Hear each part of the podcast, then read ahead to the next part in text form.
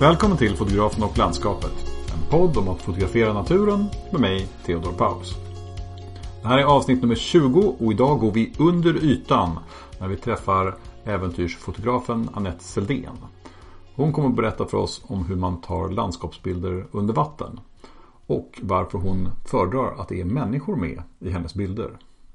Som vanligt, ta gärna kontakt med mig på sociala medier och berätta vad ni tycker om podden. Jag finns på Instagram och på Facebook. Och gå gärna med i Facebookgruppen för podden också. Där berättar jag om kommande gäster och vi fortsätter samtalen mellan avsnitten. Länkar till mina konton, till Facebookgruppen och till Anette Seldéns hemsida och Instagram finns i anteckningarna till det här poddavsnittet. Och om du gillar den här podden och vill höra fler avsnitt, glöm inte att prenumerera i din poddspelare. Så missar du inget avsnitt. Men nu, låt oss börja dagens avsnitt. Välkommen till fotografen och landskapet Anette Seldén. Tack så mycket.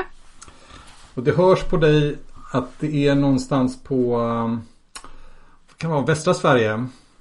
Eh, ja, Halland. Halland i alla fall. Ja. Jajamän. Ja. Norra Kung- Halland. Kungsbacka. Det stämmer gott det ja. Ja.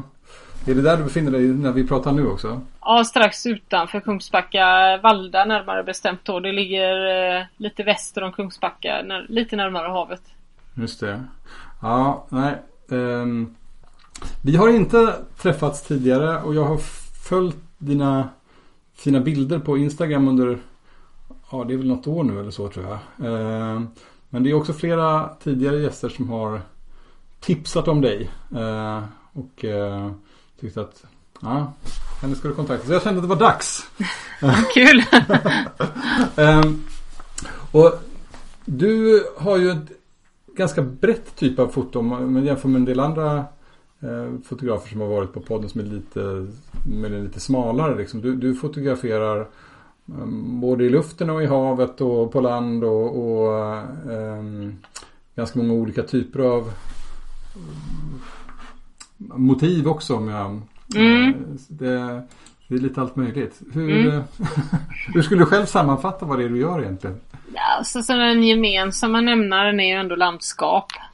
Ja, Eh, sen kan man ju se landskap från olika håll då. Eh, från luften eller under vattnet. Eller bara ifrån stativet. så att, eh, ja men det är den gemensamma nämnaren egentligen med, med det hela. ja. Du, du skriver också, du, du kallar dig också för äventyrsfotograf. Mm.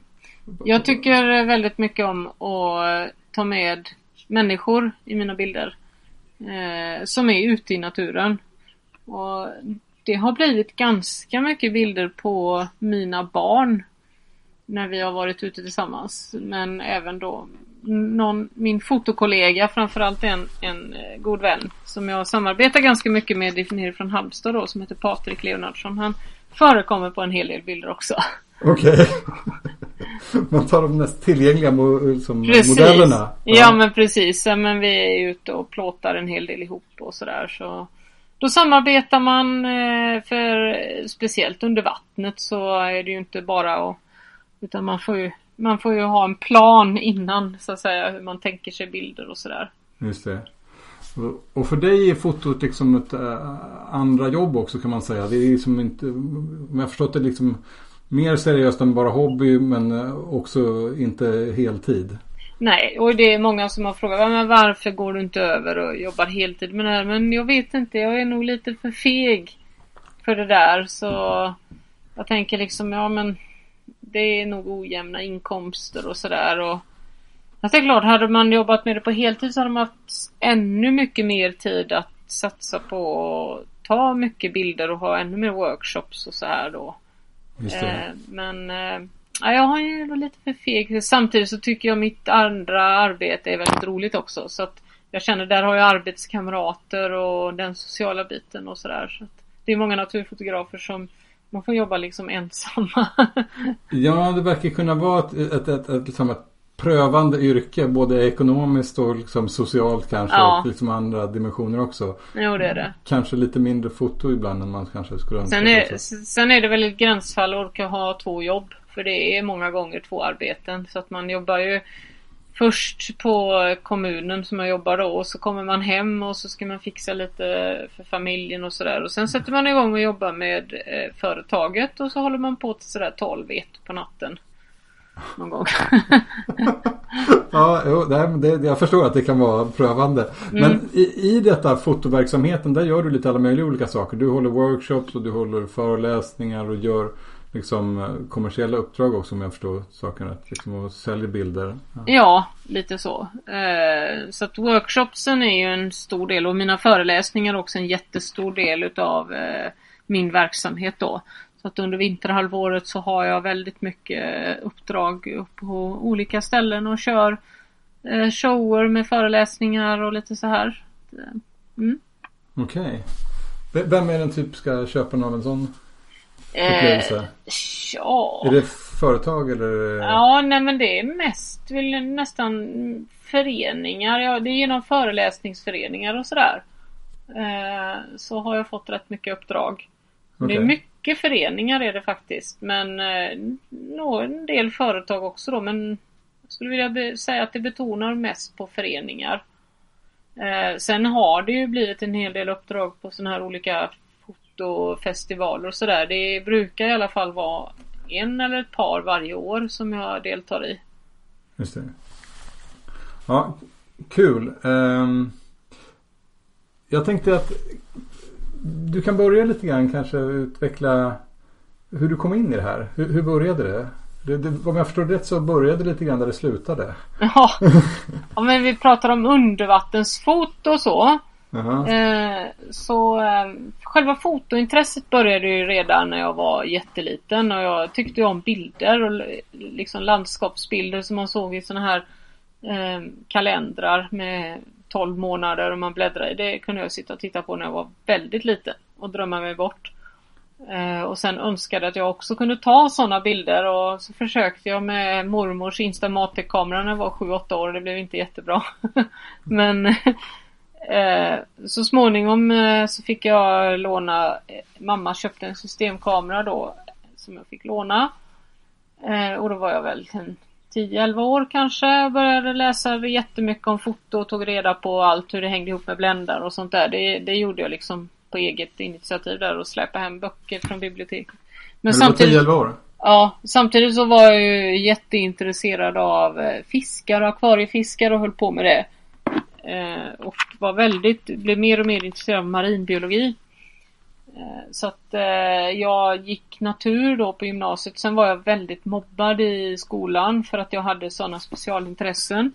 Tyckte om eh, djur och fiskar och allt möjligt och det var ju inte Alltså, det var inte det man inne. skulle hålla på med? Nej, man skulle köra runt med moped och bröta och hålla på men det var inte min grej. Okay. Så jag, jag ville hellre vara hemma och kolla när mina fiskar lekte än och liksom ränna runt på bygden med moped. och då blev man ju lite stämplad och sådär och ja. Vi har varit all, alltid en väldigt udda familj. Min mamma var ensamstående med mig och min bror då. Så vi har haft fullt med djur hemma och allting. var väldigt udda. Vi var Min mamma byggde ett miljövänligt hus redan 1976. Med okay. massa uppfinningar i och allt och vi var liksom traktens nästan idioter till att börja med tyckte de. Tills eh, det blev liksom massa tidningsintervjuer och allting för att hon hade byggt ett hus som var på den tiden på 70-talet som var helt unikt då med sopsortering och ja, allt möjligt. Men så vi har liksom natur och, och allt sånt har alltid det låter ju inte där. så va, revolutionerande idag att man har byggt Nej. med sopsortering. Nej men vi blev ju, hon blev idiotförklarad när hon sorterade sopor och installerade en vedspis i ett nybyggt hus 1977. För då, det var till och med så illa så att eh, vi hade, hon hade installerat en, en mulltoalett inomhus och Eh, okay, ja. Barnavårdsnämnden hade synpunkter på att vi då, min, jag och min bror, skulle fara illa av att bo i ett hus där det fanns vedspis och mulltoa. Right. Eh, så var det på 70-talet. Så Men i alla fall, det var mycket djur och vi hade hela huset fullt av eh, akvariefiskar, fåglar, katter. Allt fanns i vårt hus. Så det fanns ju ett intresse där och fiskarna var väl det största intresset kan jag säga. Eh, jag hade hela rummet fullt med djur då men just fiskar tyckte jag var kul. Så att eh, jag ramlade in på mycket med marinbiologi. Och eh, sen var det så att min eh, fasters man då, min farbror då egentligen, som han var dykare och eh, de bjöd in mig när jag var 14 år att eh, komma upp till eh, Gullmarsfjorden till deras eh, sommarställe där och ta dykcertifikat i Lysekil. När jag var Okej. 14 och det... Du var 14? Ja. Det, är väl, det är väl ungefär så ung man kan vara för att ta ett sånt här padis? Ja, min dotter tog när hon var 12 nu. De har ändrat reglerna lite. Okej. Men eh, det, på den tiden var det ju så min mamma fick skriva på en massa papper för att jag överhuvudtaget skulle få gå den här kursen. Eh, så att det var ju helt andra regler då än vad det är idag. Okej. Eh, så jag gick den här kursen och jag blev ju helt tänd på marinbiologi så jag fortsatte ju sen då på gymnasiet och läsa på naturvetenskaplig linje, heter det på den tiden, nu heter det program. Eh, och var, ja, det var mitt absolut största intresse och dykningen tog ju, jag var ju ute och dök då så mycket jag kunde med en dykarklubb i Göteborg. Just det. Bra ställe att bo på om man är intresserad av dykning också. Ja, vi Rätt dök. sida av landet. Ja precis, det Mm. blev ju jättemycket dyk här på västkusten då såklart och Norge. Men eh, sen var det ju så här att eh, gymnasiet var en ganska tuff tid för jag vart ju rätt så mobbad där också då för att man hade de här specialintressena och jag kände det när jag skulle sluta eh, gymnasiet sen när jag tog studenten där att jag vill ju fortsätta sen på högskola var ju tanken från början men mobbningen var så fruktansvärd alltså så att jag kände att nej, jag jag orkar inte gå i skolan just nu utan jag tänkte ja, men jag, jag jobbar lite ett tag och sen kan jag ju se om jag söker in på högskola sen då. Okej. Så att eh, jag sökte jobb och hamnade av en ren slump egentligen på kommunens mätkontor och fick jobb som så kallad pinpojk som det heter på den tiden. Pinnpojk. Pinpojk, där skulle Ja. man hålla käppar där för ja, det, det är som Lantmäteriet liknande kan man säga. Fast det var kommunen då, mätavdelningen där. Så jag hamnade där och det är ju 33 år sedan jag är kvar där än då och jobbar som mätningsingenjör där nu då. Du har avancerat från pinnpojk. Ja, precis. precis. Så att jag blev ju kvar där och eh, nej, så jag dök i alla fall i 10 år då. Sen så så småningom då så träffade jag eh, min sedan blivande make och han var inte alls intresserad av dykning så att det blev att jag la grejerna på hyllan och vi skaffade kajaker och paddlade massvis istället. Hela 90-talet det var bara paddling och fjällvandring och sådär. Eh, men- så, så jag höll upp faktiskt i 23 år nästan. Men fotograferade du någonting då också i Ja. samband med, med dykningen eller liksom? Jo precis, för att eh, jag hade ju då när jag tog mitt dykcertifikat så gick ju liksom min stackars veckopeng då, det var inte mycket man... Och jag hade ett, fick ett sommarjobb då när jag hade slutat grundskolan och gick, skulle börja gymnasiet. Ett sommarjobb där, fick ihop några tusenlappar på en sommar. Eh, de gick ju till en undervattenskamera för det var det enda jag ville ha. Men Saken var den att jag hade inte råd att köpa en blixt också för det var ju svindyrt. Så jag fick ju nöja mig med bara kameran och ett 35 mm objektiv då till en Nikonos 4A hette den. Det var en vattentät Nikon-kamera kan man säga. Fick du hålla dig nära ytan då? Ja, och allting blev ju grönt så det blev ju inte alls så snyggt liksom att plåta en bit ner och jag liksom pressa en 400 film till 800 och vad blev det av det? Inte jättebra. Eh, Så jag kände till slut att jag, så jag hade ju inte ekonomin heller så jag kände att nej det var liksom Nej jag tröttnade så jag sålde undervattenskameran och köpte en Ja vanlig kamera, en systemkamera, en begagnad då. Och sen drog ju det andra fotointresset full fart då med landskapsfotot som hade liggat och grott där också någonstans. Eh, för jag var ju så intresserad av foto ändå va. Eh, så. Men eh, efter det här uppehållet då på ja, 23 år så var det så här att jag har jobbat med ett fotoprojekt om Island under ett antal år härifrån 2013 började det. Och eh, har satt upp ihop nu då en, en eh, bildshow kan man säga om Island då med musik och bildspel och lite annat. Och när jag höll på med det projektet på Island då, jag var första gången där som sagt var 2013. Eh, så var vi på ett ställe, jag var faktiskt där med Nikon då första gången. Det var de som tjatade dit mig. Okay. Eh, jag hade inte alls, jag blev uppringd av en som jobbar där och sa men nu måste du hänga med. Vad ska jag där och göra? Island? Nej, sa jag. Jo, sa han. Nu kom igen nu. Ja, men så jag åkte ju med och sen blev jag ju helt såld på detta stället. Men eh, då var vi i alla fall på den resan så var vi på ett ställe där det var kristallklart vatten i några sådana här djupa sprickor. Jaha, är det det där stället där kontinentalplattorna möts? Precis! Ja. Och jag tänkte, vad är det här? Och så såg jag ju folk som dök där nere. Och då bara så kände jag den här känslan komma tillbaka. Jag vill dyka. och samtidigt då så är detta 2013 och då har det ju hänt en hel del på fotosidan. Det har ju kommit digitala kameror och undervattenshus till dessa. Så eh, nej, tänkte jag nu, nu måste jag tillbaka ner i vattnet igen för jag, jag klarar inte det här längre. Så jag eh, tog faktiskt nytt dyksätt för jag tänkte jag vet ju inte alls hur jag skulle fungera under vattnet efter så många års uppehåll.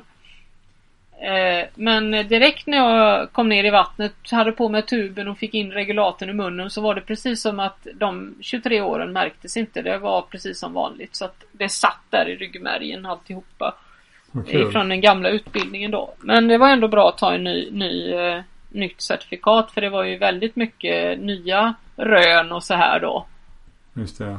Eh, Så, så det blev ju att jag införskaffade ganska omgående då ett, ett hus, ett undervattenshus till min eh, kamera. Eh, Så, så då började, jag- kunde jag börja jobba och anledningen var väl egentligen den att eh, dels var jag ju naturligtvis dyksugen men sen så insåg jag att eh, om jag skulle göra den här eh, föreläsningen och showen om Island för att höja det till eh, rätt nivå så insåg jag ganska snart det att vanliga landskapsfoton skulle aldrig räcka för att beskriva det här landskapet. Så jag behövde ju göra någonting mer och jag ville göra någonting som ingen annan eller som väldigt få andra gjorde. Och det är därför jag, jag har ju alltid liksom min, min passion har alltid varit att visa eh, och förmedla eh, platser och, och ställen som väldigt få har möjlighet att uppleva. Och under vattnet är det ju väldigt få som tar sig egentligen. Så att eh, det är någon utav, det är någon utav mina eh, liksom riktiga dragningar här i livet. Är att kunna förmedla till andra människor någonting som de inte själva har möjligheten att kanske uppleva. Just det. det jag, jag har dykt en del själv. Eh, aldrig egentligen fotat under vattnet.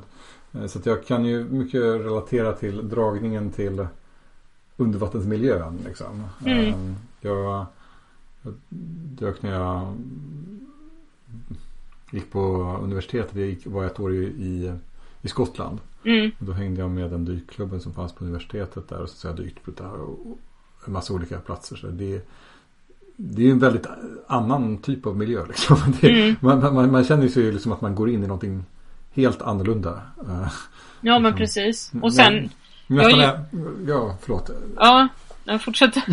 Nej men nästan, jag tänkte även när det var ganska tråkiga miljöer. Liksom, så här, ja, Typ dyka i en hamn liksom, som Ja. jag gjorde någon gång.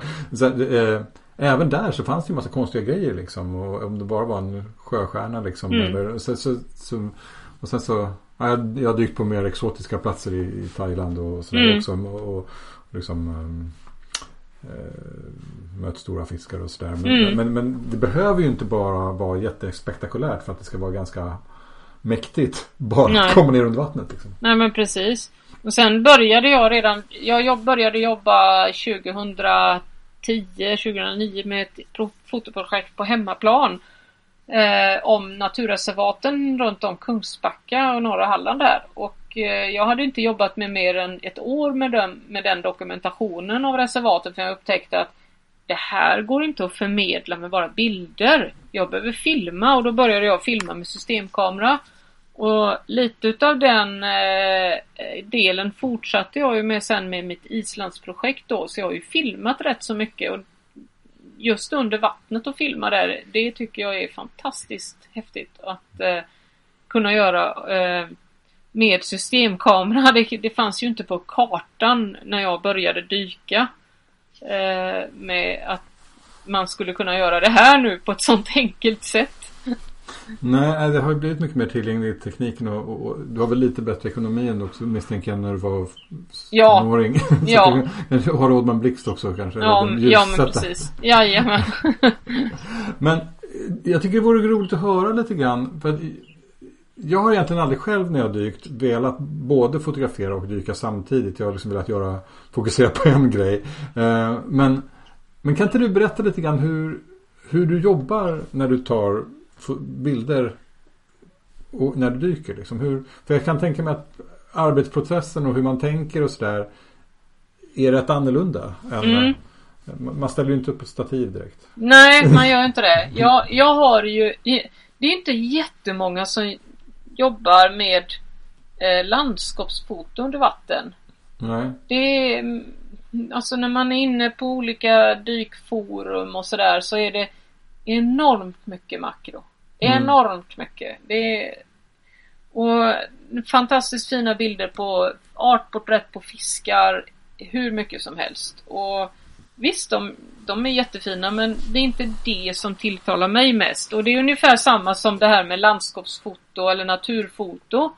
Alltså Facebook och Instagram om man följer ett antal naturfotografer och jag säger inget liksom ont om dem som gillar att hålla på med det men det svämmar över med bilder på fåglar. Fågelporträtt. Och det är lite grann likställt med fiskporträtt tycker jag. Ja, Eh, så, och i landskap är, då, det tilltalar mig mycket mer för att eh, jag har för det första inte tålamodet att om det hade gällt fågel och sitta i ett gömsle och vänta. Jag skulle det låter ju så sjukt tråkigt. Nej, det är därför, det är därför inte jag är fågelfotografer på den här podden. Nej, jag skulle aldrig klara det. Eh, och det är lite grann samma sak att ligga där och vänta på en fisk som ska krypa ut ur en håla. Eh, eller vad det nu är. Eh, nej, och sen så är det ju enormt mycket svårare att ta ett landskapsfoto under vatten. Ja, För precis. det måste till bra sikt för att få till en bra landskapsbild. Annars är det kört. Då kan man bara plåta. Alltså jag har ju plåtat makro när det är så dålig sikt i vattnet så det är liksom ingen idé ens en gång att försöka.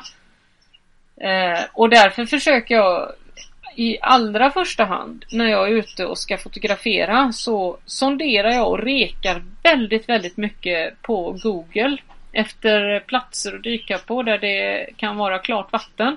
Ja, Jag letar ständigt ute på nätet och letar efter klarvattensjöar. Eh, olika ställen där det då finns möjlighet att plåta.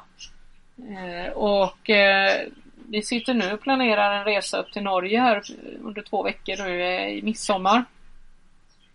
Eh, och då sitter jag och försöker att scanna av när jag orkar bit för bit på eh, Google Earth. Och så sitter jag och letar av område för område där vi har tänkt att köra och ser om jag... För där kan man oftast identifiera sjöar som det är klarare vatten i. Okej. Om jag hittar någonting. Eh, och vi har varje år hittat nya häftiga ställen att dyka på.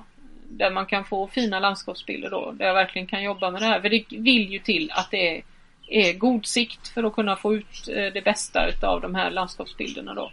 Hur mycket sikt behöver du liksom? Ja, jag vill ju ha 15 plus. Ja. Minst, ja det vill jag ju ha. Men okej, 10 det går. Men, men jag vill ju helst ha 15 plus alltså. Eh, definitivt. Så att eh, ställen vi har varit och dykt på där det har varit Ja, Island är ju Där pratar vi ju 100 meter sikt drygt. Men eh, vi har dykt eh, på platser i Norge där vi har allt eh, 40 meter Ja. sikt. Det är ju riktigt nice. Då kan man se formationer långt bort liksom. också. Ja, och sen vill jag ju gärna ha med människor i mina bilder då. En dykare då som är med så man förstår storleken utav landskapet då. Just du vill kunna få med någonting som ger skala liksom. Precis, precis. Ja, ja. Eh, Så att jag, jag jobbar mycket med att i, alltså planera innan och sen när jag, hittar jag väl någon plats då som det ser ut att vara en, en relativt klar sjö så försöker jag googla den och se om det är någon som har varit och dykt där. Eh, och sen är man runt och letar och var kan man komma nära sjön så man kommer in till och inte behöver bära grejerna långt och, och så här. Så att, eh, det är mycket sån planering i förväg. Ja. Hitta de här ställena. Och det, tidsaspekten är väl in en bit också där. Jag menar för du, vadå, du kan vara nere en timme kanske? Ja, det är ju, det beror ju på. Alltså jag dyker ju aldrig direkt sådär djupt egentligen för att då försvinner ju ljuset. Ja. Så de flesta dykerna som det är nästan mellan 0 och 10 meter. eh, Där man har att arbeta på i, i bra ljus då. Eh, Så att då kan man ju oftast vara nere längre men sen är det ju nästa aspekt som ofta spelar in för jag är ju väldigt mycket uppe i Norge då och dyker och då är det ju kölden istället. Att det Ja. är kallt. Så att det, det, är sällan att det är luften som, som eh, inte räcker utan det är snarare så att det börjar bli så Även kallt. när du har torrdräkt såklart då? Ja, men det blir ju det så småningom så... För ofta man ligger ju mycket still när man plåtar. Och man rör sig inte så mycket. Och då kryper ju kölden så småningom ända in i märgen. Jag kan tänka mig att det kan bli jobbigt. Jag vet Ja, en, en norsk fjällsjö även om det är mitt i sommaren och så kanske den håller 6-7 grader och det, det känns ju efter ett tag. Så att, jag vet att de här som dök på Scappa Flow, alltså den här eh, kyrkogården över massa tyska andra världskrigsskepp som sänktes norr om Skottland. mm, De, de, de ligger på 40 meter de där Jaha, skeppen. ja. Och de, de som dök på de där första, när man hittade dem liksom. Ja. Det var ju med våtdräkt då. Eh, 40 meters djup våtdräkt i liksom Ja. Nordsjön. De var nog ganska kalla när de kom upp. nej, Men, det, ehm, men eh, absolut, men även med, liksom, med bra förutsättningar så blir det ju kallt. Liksom. Får, Mm. ja. Men jag tänkte bara, för, för din del, vad är liksom vad är det du vill få ut av bilderna? Alltså, vad, vad, vad är liksom det som du letar efter när du eh, simmar runt? Ja men det är ju den perfekta landskapsbilden som innehåller de elementen jag vill ha och då ska det ju vara helst någonting med en färgklick av något slag. Mm. Eh, Det kan vara en, en eh, häftig undervattensgräsmatta. Det kan vara en eh, ett, till och med en by som är sänkt under vattnet då så vill jag gärna ha kanske någon? En, en bil? en by, en Mm. hel by som är vattendränkt. Finns i Norge till exempel. Aha. Jag har ju varit och dykt i en sjö där. Eh, och gärna då såklart en modell i bilden då, en dykare. Sen jobbar jag en hel del också med splittfotografering under vatten. Eh, det Just vill det. säga halva under vatten och halva över för att få liksom landskapet med i bakgrunden och sånt älskar jag att hålla på med. Och där eh, har jag samarbetat då lite kul med mina barn då som har varit, tyckt det varit jättekul och, och eh, hänga på där och även om jag är liksom tjatig, nej du får backa lite och Ja. Lite För då, till, då, då, då är de på land då? Nej, eller i kajaken. Min Ja. grabb har ju suttit i kajaken eller så har han stått på en sten och fiskat eller så här då. Någon gång så fick den stackaren stå barfota på en sten ute i det här kalla vattnet med ett fiskespö då. Och det var så häftigt för det kom fram fiskar och nästan nappade på hans eh, drag där. Och det var, jag fick aldrig den här bilden med en fisk som var framme men jag höll på med splittbilder. "Ah, jag fryser mamma om fötterna. Jag Bara, ja men stå lite till, den är snart här fisken. Jag Bara, Nej jag vill inte. Jag har Ja. sett ganska många sådana här splittbilder som Kanske någon av dina också men jag har sett andra som har tagit dem också. Men, men jag har alltid undrat hur 17 gör man så att det inte blir stänk på den delen av, av linsen som är ovanför vattenytan. Det måste ju krävas jätte, jättelite för att liksom Ja. Ja. Det är jättesvårt och det är, man får hålla på hela tiden och konstant, så doppar man ner den och så tar man upp den och så har man två till tre sekunder på att ta innan vattnet börjar att rulla ihop sig på den övre delen. Jaha, okej. Eh, så får man hålla på och doppa och så lyfta upp och så klicka till och då ska allt stämma. Så det är, det är jättesvårt alltså. Det går inte. Du kan inte hålla den torr liksom utan den är ju våt hela tiden och så får man doppa, doppa, doppa. Då, va? så att det, nej, den är, den är jobbig och så ska man samtidigt får man inte virvla upp någonting. Oftast så försöker man att sitta på knä eller på något sätt så att man har stöd då för att ligga bara i vattnet är ju ännu svårare. Mm. Sen vill man ju gärna ha, man, får, man behöver oftast ha en bit botten eller någonting i förgrunden under vattnet då för att annars får man liksom ingen djupkänsla i bilden. Nej, eh, och då, då, då kan man ju ofta stå på knä men då får man ju inte stå där och, och virvla upp någon, något mög ifrån botten för då förstör man ju hela bilden totalt så man måste ju vara helt still. Ja det är mycket men det är roligt att jobba med det och för det är så himla häftigt alltså att se naturen på detta sättet. Precis. Eh, jag kan tänka mig att det blir ändå lite andra typer av estetiska regler eller ideal som man, jag menar, mycket av det finns ju supermycket regler eller liksom rättesnören för så här, foto på land. Liksom, hur man komponerar, liksom, mm. eh, hur man ja, att ha med förgrunder, mellangrunder och bakgrunder och liksom hur, hur olika saker Men jag kan tänka mig att det blir ganska annorlunda i vattnet. Liksom. Finns det några särskilda saker som man måste tänka på när man fotograferar under vattnet? Som på något sätt för, som styr estetiken liksom, och hur man komponerar en bild. Ja, men alltså det viktigaste är ju att för när man plåtar landskap då under vattnet, det är ju att det finns någonting i förgrunden.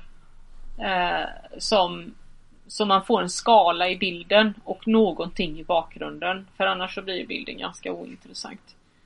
Eh, och det är, ju det, det är ju det som är det svåra.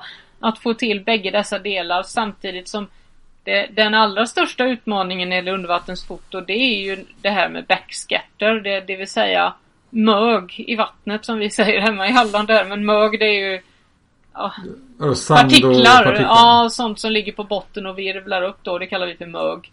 Men det, när det virvlar upp eh, och hamnar mellan eh, blixtljuset där det slår fram till motivet så belyses ju allt det här möget då och det kallas för backscatter. Då blir det massa, det ser ut som en snöstorm på bilden. För allting blir ju upplyst då så det oerhört svårt att plåta i vatten med partiklar. Det är nej, en nej. jätteutmaning kan jag säga. Då är det lättare med en sån här äh, smältvattensspricka äh, i Island. Ja men där är ju inget, där är ju inga sådana partiklar och där är, där är det ju istället en utmaning att man måste se till att man får ett djup i bilder. Så att man inte bara tar rakt av. Utan äh, det måste det ju blått, finna, liksom. Nej, det måste ju finnas en förgrund och en bakgrund och förgrunden ska ju helst då vara blixtbelyst och sen bakgrunden eh, naturligtvis ha naturlig belysning då och den, den är inte helt enkel. Eh, bara för att det är klart i vattnet. Absolut inte. Utan där får man ju verkligen tänka till. Men, men, du jobbar alltid liksom med blixt när du fotograferar under, under vattnet? Ja, ja det, för det mesta har jag ju det. Sen i vissa lägen får man ju stänga av den då. Vi hade ett hajmöte här i vad heter det i höstas när vi var nere i Röda havet och dök. Är det den bilden som du har på din hemsida? Eh, med en haj? Det kanske den, den ligger nog på hemsidan. Ja den ligger på Instagram i alla fall vet jag. Med en haj där som kommer fram precis.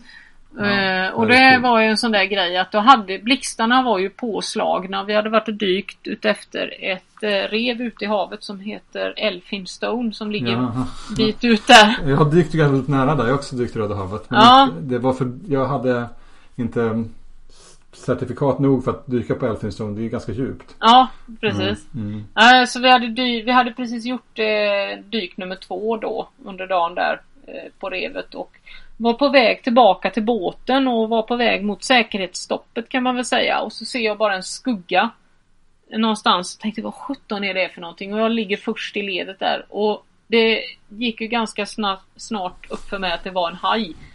Och då gällde det ju, alltså jag blixtsnabbt liksom, ska jag väl säga då. Så fick jag stängt av mina blixtar för jag tänkte jag klarar aldrig av att få det rätt ljus och hinna och ställa in eh, om den här kommer utan vi tänkte jag kör naturligt ljus där och ställde den då eh, på eh, ja, en bländare jag gissade på då snabbt som 17 och ja det gick ju bra jag fick ju bilderna.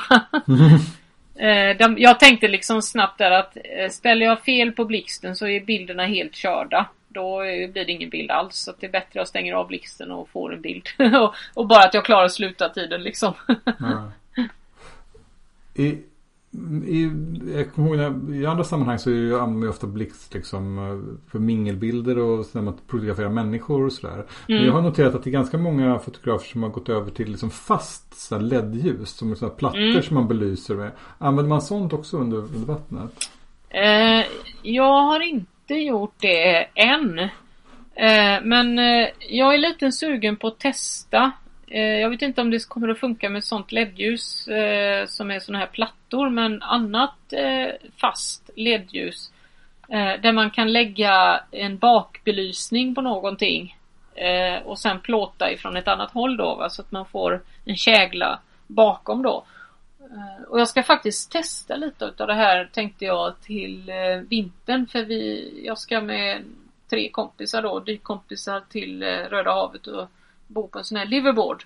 Ja. Då kommer det bli en del vrakdykning där och då har jag lite tanken på att titta på någonting kul med det. Jag har faktiskt inte testat det än då men många gör ju det. Eh, så med eh, fast ljus då som de lägger ut lampor helt enkelt. Just det. Men liverboard är alltså att man, man bor på en båt på en båt liksom och dyker och, ja, liksom hela tiden. man slipper att ja. bära på utrustningen fram och tillbaka. Sådär. Men mm. allting finns ombord och kompressor och allt finns ombord.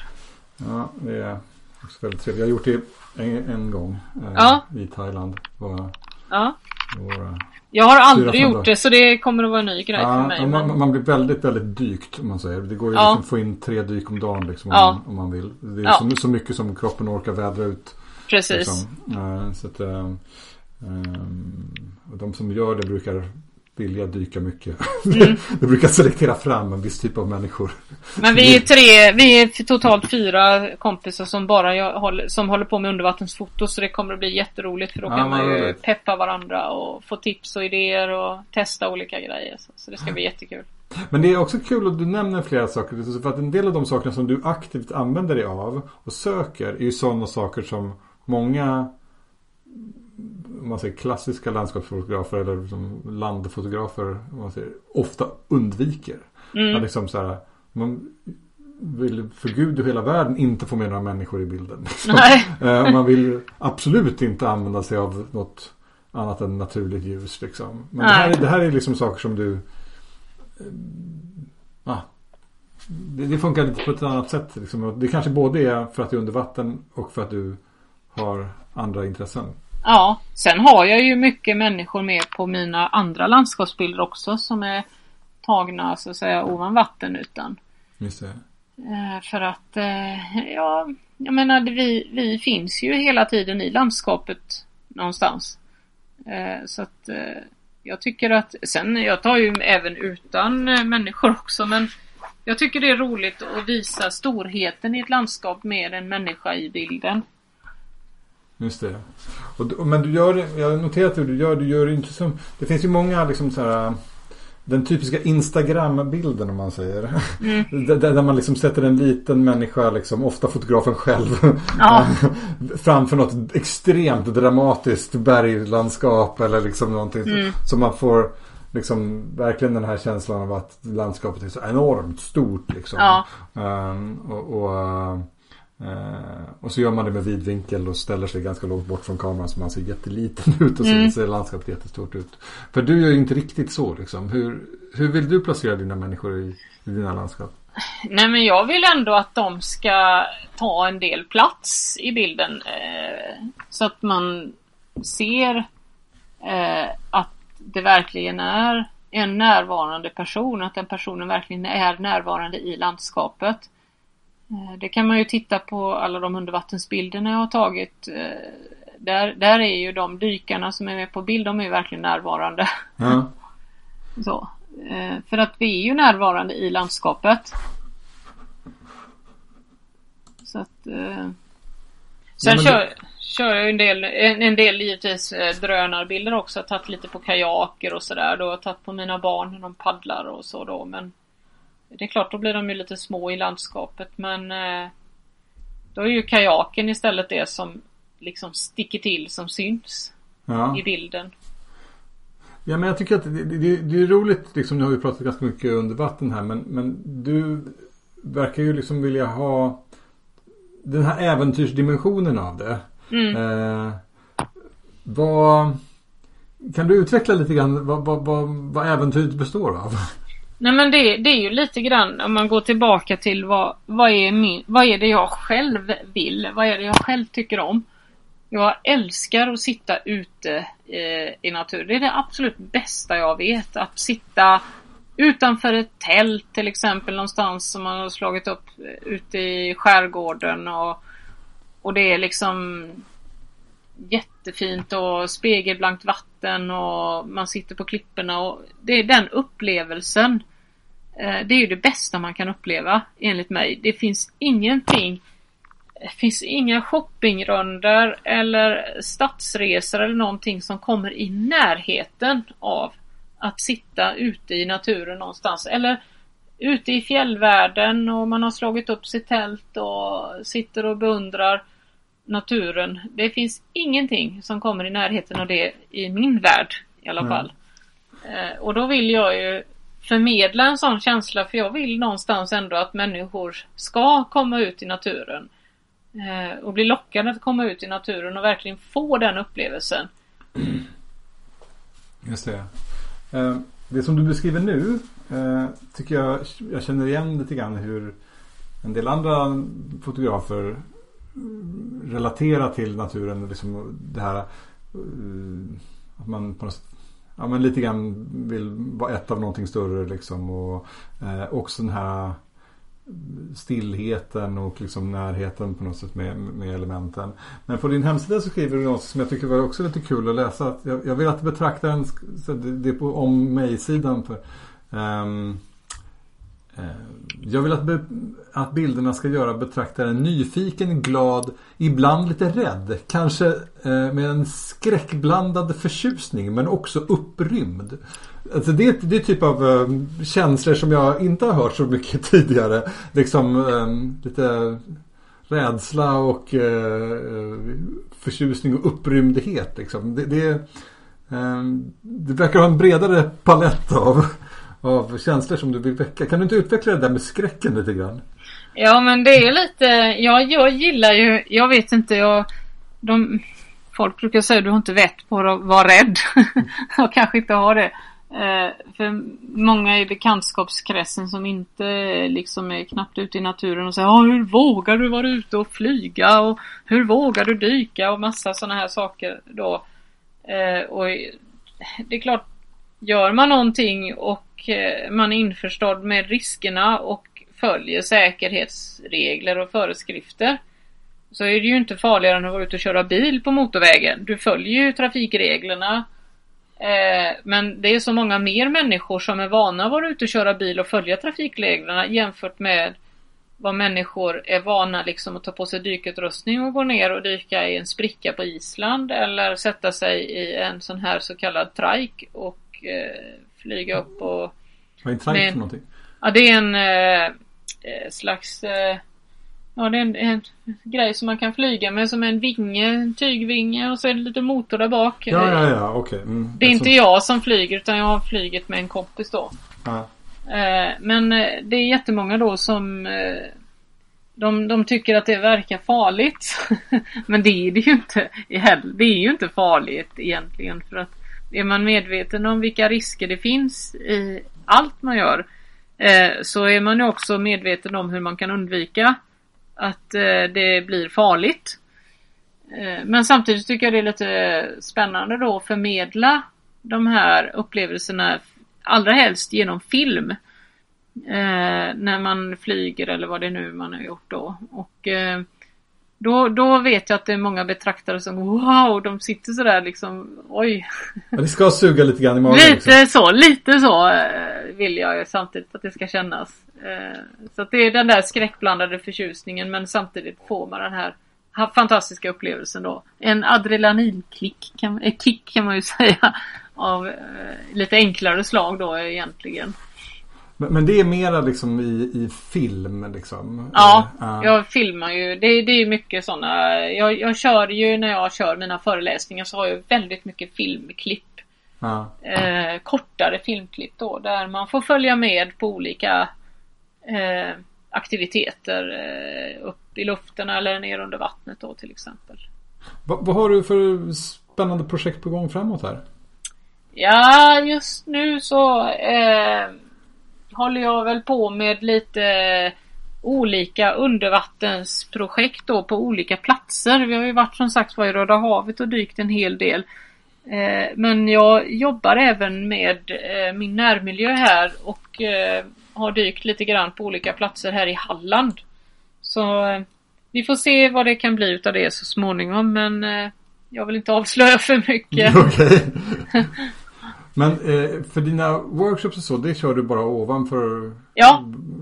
på land liksom? Jajamän. Det, Ja. Jag jobbar i huvudsak för Länsstyrelsen då och håller sådana här workshops ute i naturreservaten för att locka ut eh, fler besökare till naturreservaten då med som har kanske lite fotointresse och inte bara naturnördar utan eh, även sådana som är lite fotointresserade. Så att jag kör eh, lite sån eh, nybörjarutbildning på systemkamera då så att Eh, man ska liksom lära känna sin systemkamera och samtidigt då eh, få lite information och, om naturreservaten då som vi har här i länet.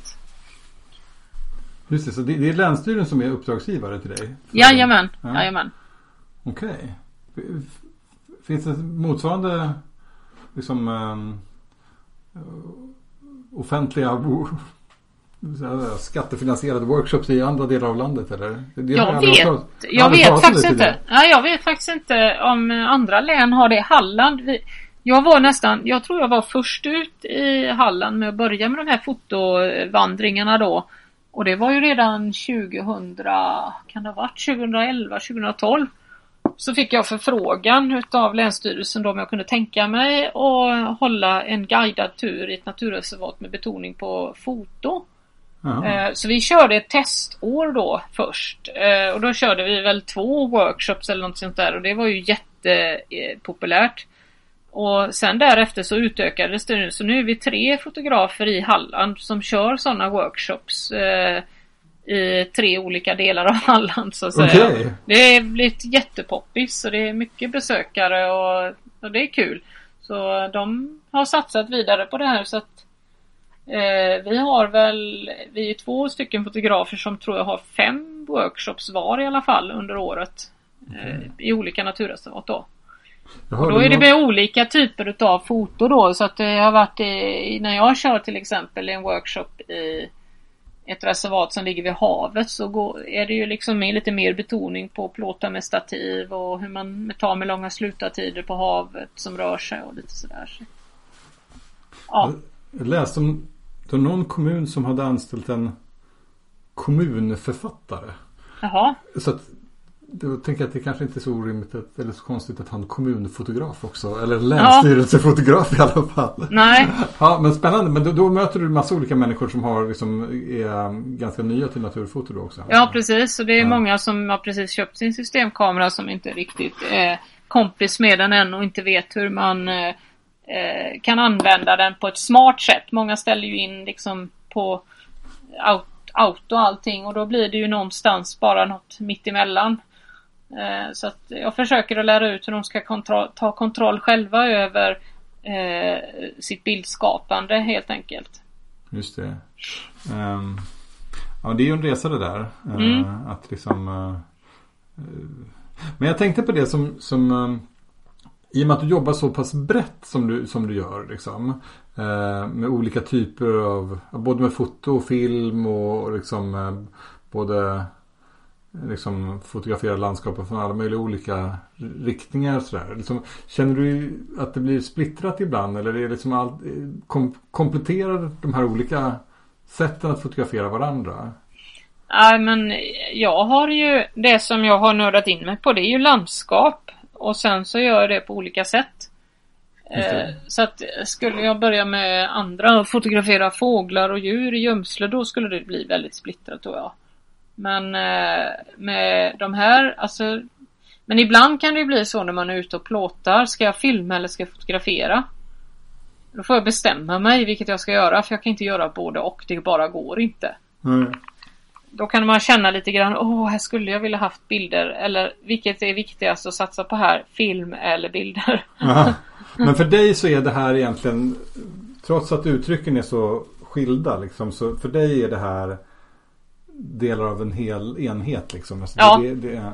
Jo men det är det ju. Och det är ju så att eh, det är ju för jag lyfter ju mina föreläsningar till en helt annan nivå. När jag kan presentera eh, det jag vill berätta om i både film och timelapse jobbar jag ju ganska mycket med också då och sätter ihop till mina eh, de här bildspel då där jag med både bildspel, jag har musik, eh, timelapse, klipp eh, och eh, filmklipp och sen, sen sätter jag samman det här och då blir det ju en väldigt dynamisk eh, upplevelse för betraktaren. Man sitter inte och bara tittar på en och en bild som bläddrar och så står någon och pratar till. Jag säger inte att det är fel. Eh, utan jag säger bara att jag, jag vill ha en annan dynamik i min bildvisning. Det ska hända någonting hela tiden. Betraktaren ska uppleva wow, wow, wow så hela tiden. Man ska inte sitta och när kommer nästa bild? Just det. Nej. Eh, Men är det så, du, jobbar du med det liksom i åtanke redan? Liksom har du det där bildspelet i åtanke när du ska starta ett projekt? Eller när du tar dina bilder eller liksom sätter du ihop det i efterhand och liksom utifrån det material som du har? Nej, jag planerar väldigt mycket innan. Det gör jag. Nu ska jag ha Eh, ett bildspel om det här och så tar, ja, tar du material ja. som för att bygga upp det liksom. Ja, jag planerar jättemycket innan och sen kan det ju vara så att jag kanske inte har planerat fullt ut en föreläsning men jag samlar in material och då tänker jag väldigt brett. Ja men här är nog bra att ta lite film här och här tar jag lite bilder. Det kan vara bra att ha sen. Eh, så att eh, jag försöker liksom att inte missa någonting när jag är ute. Just det. Det låter ju som att du skulle kunna Du, du har aldrig tänkt ta en YouTube-kanal liksom? Eh, alltså jag vet inte, tiden räcker inte till. Jag, det värsta jag vet är att sitta framför datorn. Okej. nu sitter jag framför datorn. Nej men jag, det bästa jag vet är att vara ute och jobba och samla in material och sen eh, måste man ju givetvis ägna tid och sitta och jobba med materialet och det är roligt att sitta och bygga ihop. Mm. Det är det men det tråkiga är liksom att sitta med Alltså tanka in bilder och tagga bilder och Usch, det, Ja, det kan vara tråkigt faktiskt. Ja. den delen är inte jätterolig. Och sen är det mycket, jag sa oftast när man sitter och arbetar med sådana här projekt och ska bygga ihop någonting, man sitter och jobbar i, i flera olika program samtidigt så är det alltid någonting som kör ihop sig, någonting som inte funkar av någon anledning. Man ska klippa på ett visst sätt och så eh, vad den är, ja då får man sitta och leta efter tutorials på Youtube och hur, hur gör man med det här och hur, hur får man ihop detta och så sitter man där och läser och tar in det och så får man ladda ner något nytt program för någonting och så tycker jag är jättejobbigt men man lär sig ju givetvis alltid på det men det blir väldigt mycket sånt och så får man sitta, man har ingen att fråga. Man får Nej. ju göra allting själv liksom. Det är så jag tänker lite grann. Jag har ett jobb där jag har medarbetare som jag kan delegera saker till. Det är alltid så att när någonting är svårt att fråga någon annan så kan inte du göra det här. Eller Ja. Men när jag håller på med den här podcasten och med ett eget foto då finns det liksom ingen att delegera till. Så jag känner mycket igen mig i det som du beskriver. Mm. Eh, Det var något tidigare poddavsnitt där det var Det kom något jäkla brus in i, i och jag behövde ta reda på hur jäklar kan jag tvätta ut det här bruset ur Ja, det är exakt så. Ja, sånt som och- där. och jag höll på liksom hur länge som helst med att till slut så har jag, men nu vet jag hur man gör. Ja, och sen glömmer man av det när man ska göra det efter ett halvår sen. Ja, men jag har precis suttit med sådana. Jag hade gjort en ljudinspelning av en pilot på Island som berättade en grej och där jag ville ha hans berättelse då. Men det hade jag ju spelat in med min telefon.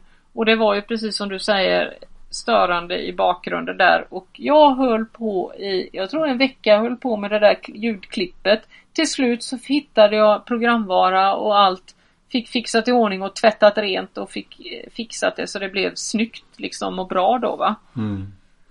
Eh, För jag har alltid haft en strävan att när jag visar någonting, när jag framför någonting så ska det vara exceptionellt bra. Det får inte finnas någon enda detalj som är fel.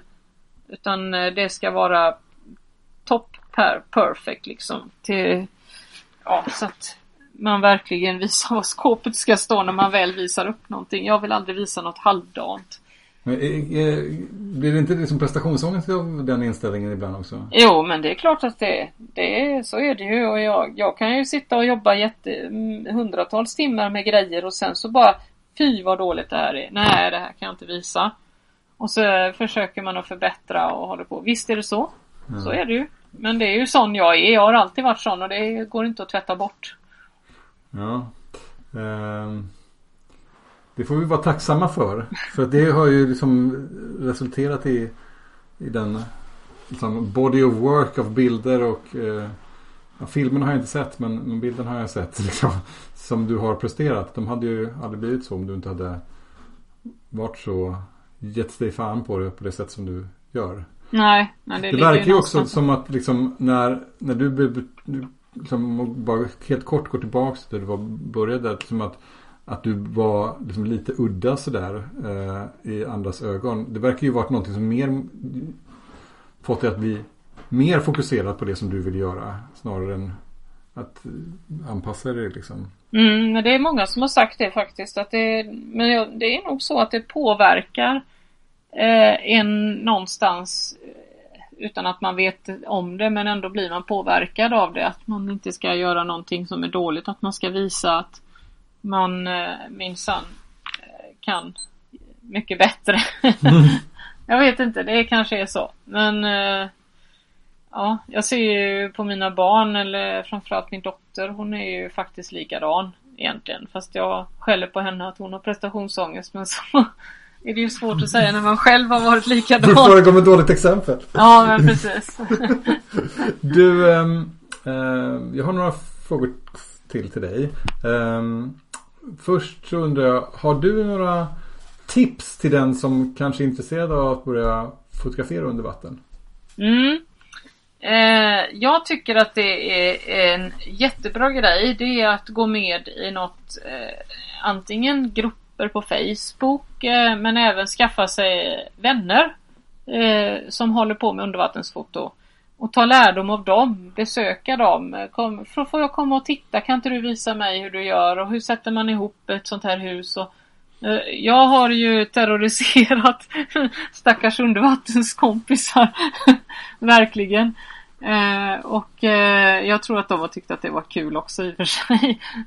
Men eh, eh, det är jätteviktigt att följa någon och få lära sig för det är så mycket grejer eh, som man egentligen inte man, man, det är ju rätt dumt att göra misstag när det gäller undervattensfoto och dränka någonting. Det, det är Det jättedumt. kan bli dyrt. Ja. Eh, jag har gjort det så jag ska inte säga. Jag dränkte en tre veckor gammal Nikon D810. Eh, och det var ingen rolig. Det, grejen var den att eh, jag trodde ju för, naturligtvis att det var handhavande fel och att det var mitt eget fel. Men det visade sig till sist att det var ett tillverkningsfel på en sån här eh, port till eh, undervattenshuset. Jaha, Så det okej. var inte mitt fel. Ja, Men jag tog ju på mig skulden själv direkt. liksom, vad klantigt och vad har man gjort nu då? Nej men det, det, det finns rätt så mycket grejer som det är dumt att göra de misstagen. Och det fick, det, många utav de grejerna lärde jag mig utav eh, kompisar. Så fråga, fråga, fråga. Eh, följ med en undervattensfotograf och titta hur han gör. Och låt dem visa liksom. Eh, och inte bara köp grejerna och hoppa ner i vattnet. Det ska man inte göra. Det gjorde inte jag. Utan jag frågade folk först och jättemycket. Innan jag började plåta under vatten. Just det.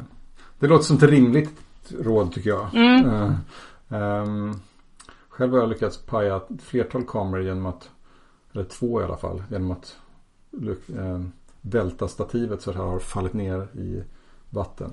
Oj då. Så att, eh, nu är jag jätteförsiktig så fort det är nära vatten. Ja. Men ehm, en sista fråga. Mm. Eh, har du några tips på andra fotografer som du tycker skulle vara kul att höra i denna podd? Eller som du tror skulle passa? Eh, ja, ehm, jag funderar lite grann på om man inte alls ska prata undervattensfoto men en eh, kvinnlig fotograf som jag tycker är fantastiskt duktig. Eh, som är lite blygsam dock. Eh, hon heter Elisabeth Englin och det är en utav en jättegod vän till mig också naturligtvis. Eh, men en utav dem som har inspirerat mig faktiskt att komma igång. Hon hjälpte mig att komma igång med digitalfoto för jag var analog när jag träffade henne första gången. Ja. Hon höll på att garva ihjäl så jag visste inte ens vad fotosidan var. Jag trodde inte det var sant att det fanns någon som inte visste vad det var. 2008 var detta och eh, jag lärde mig att fotografera i RAW istället för JPEG. Mhm. jag har ju varit gammal eh, analog fotograf från, eftersom jag har hållit på så länge då. Men hon är jätteduktig, eh, lite blygsam men väldigt, väldigt duktig och eh, har ett fantastiskt öga tycker jag för eh, just landskaps och hon är verkligen också en allkonstnär inom naturfoto. Det är flera, åtminstone någon tidigare som har nämnt hennes namn Mm. också. Så att eh, vi... Mm. Har du fler Ja. tips?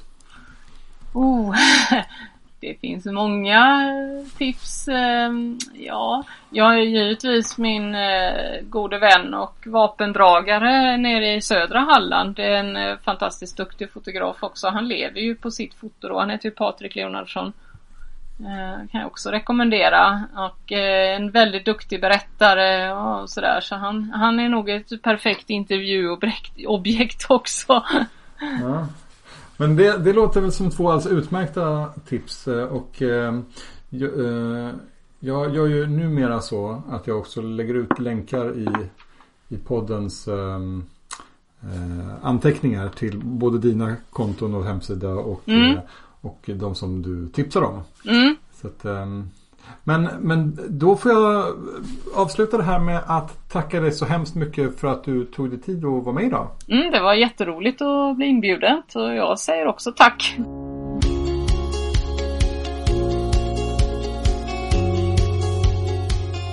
Och tack även till dig som lyssnat på det här avsnittet av Fotografen och landskapet. I anteckningarna till det här postavsnittet hittar du länkar till Anette Seldens hemsida och Instagram.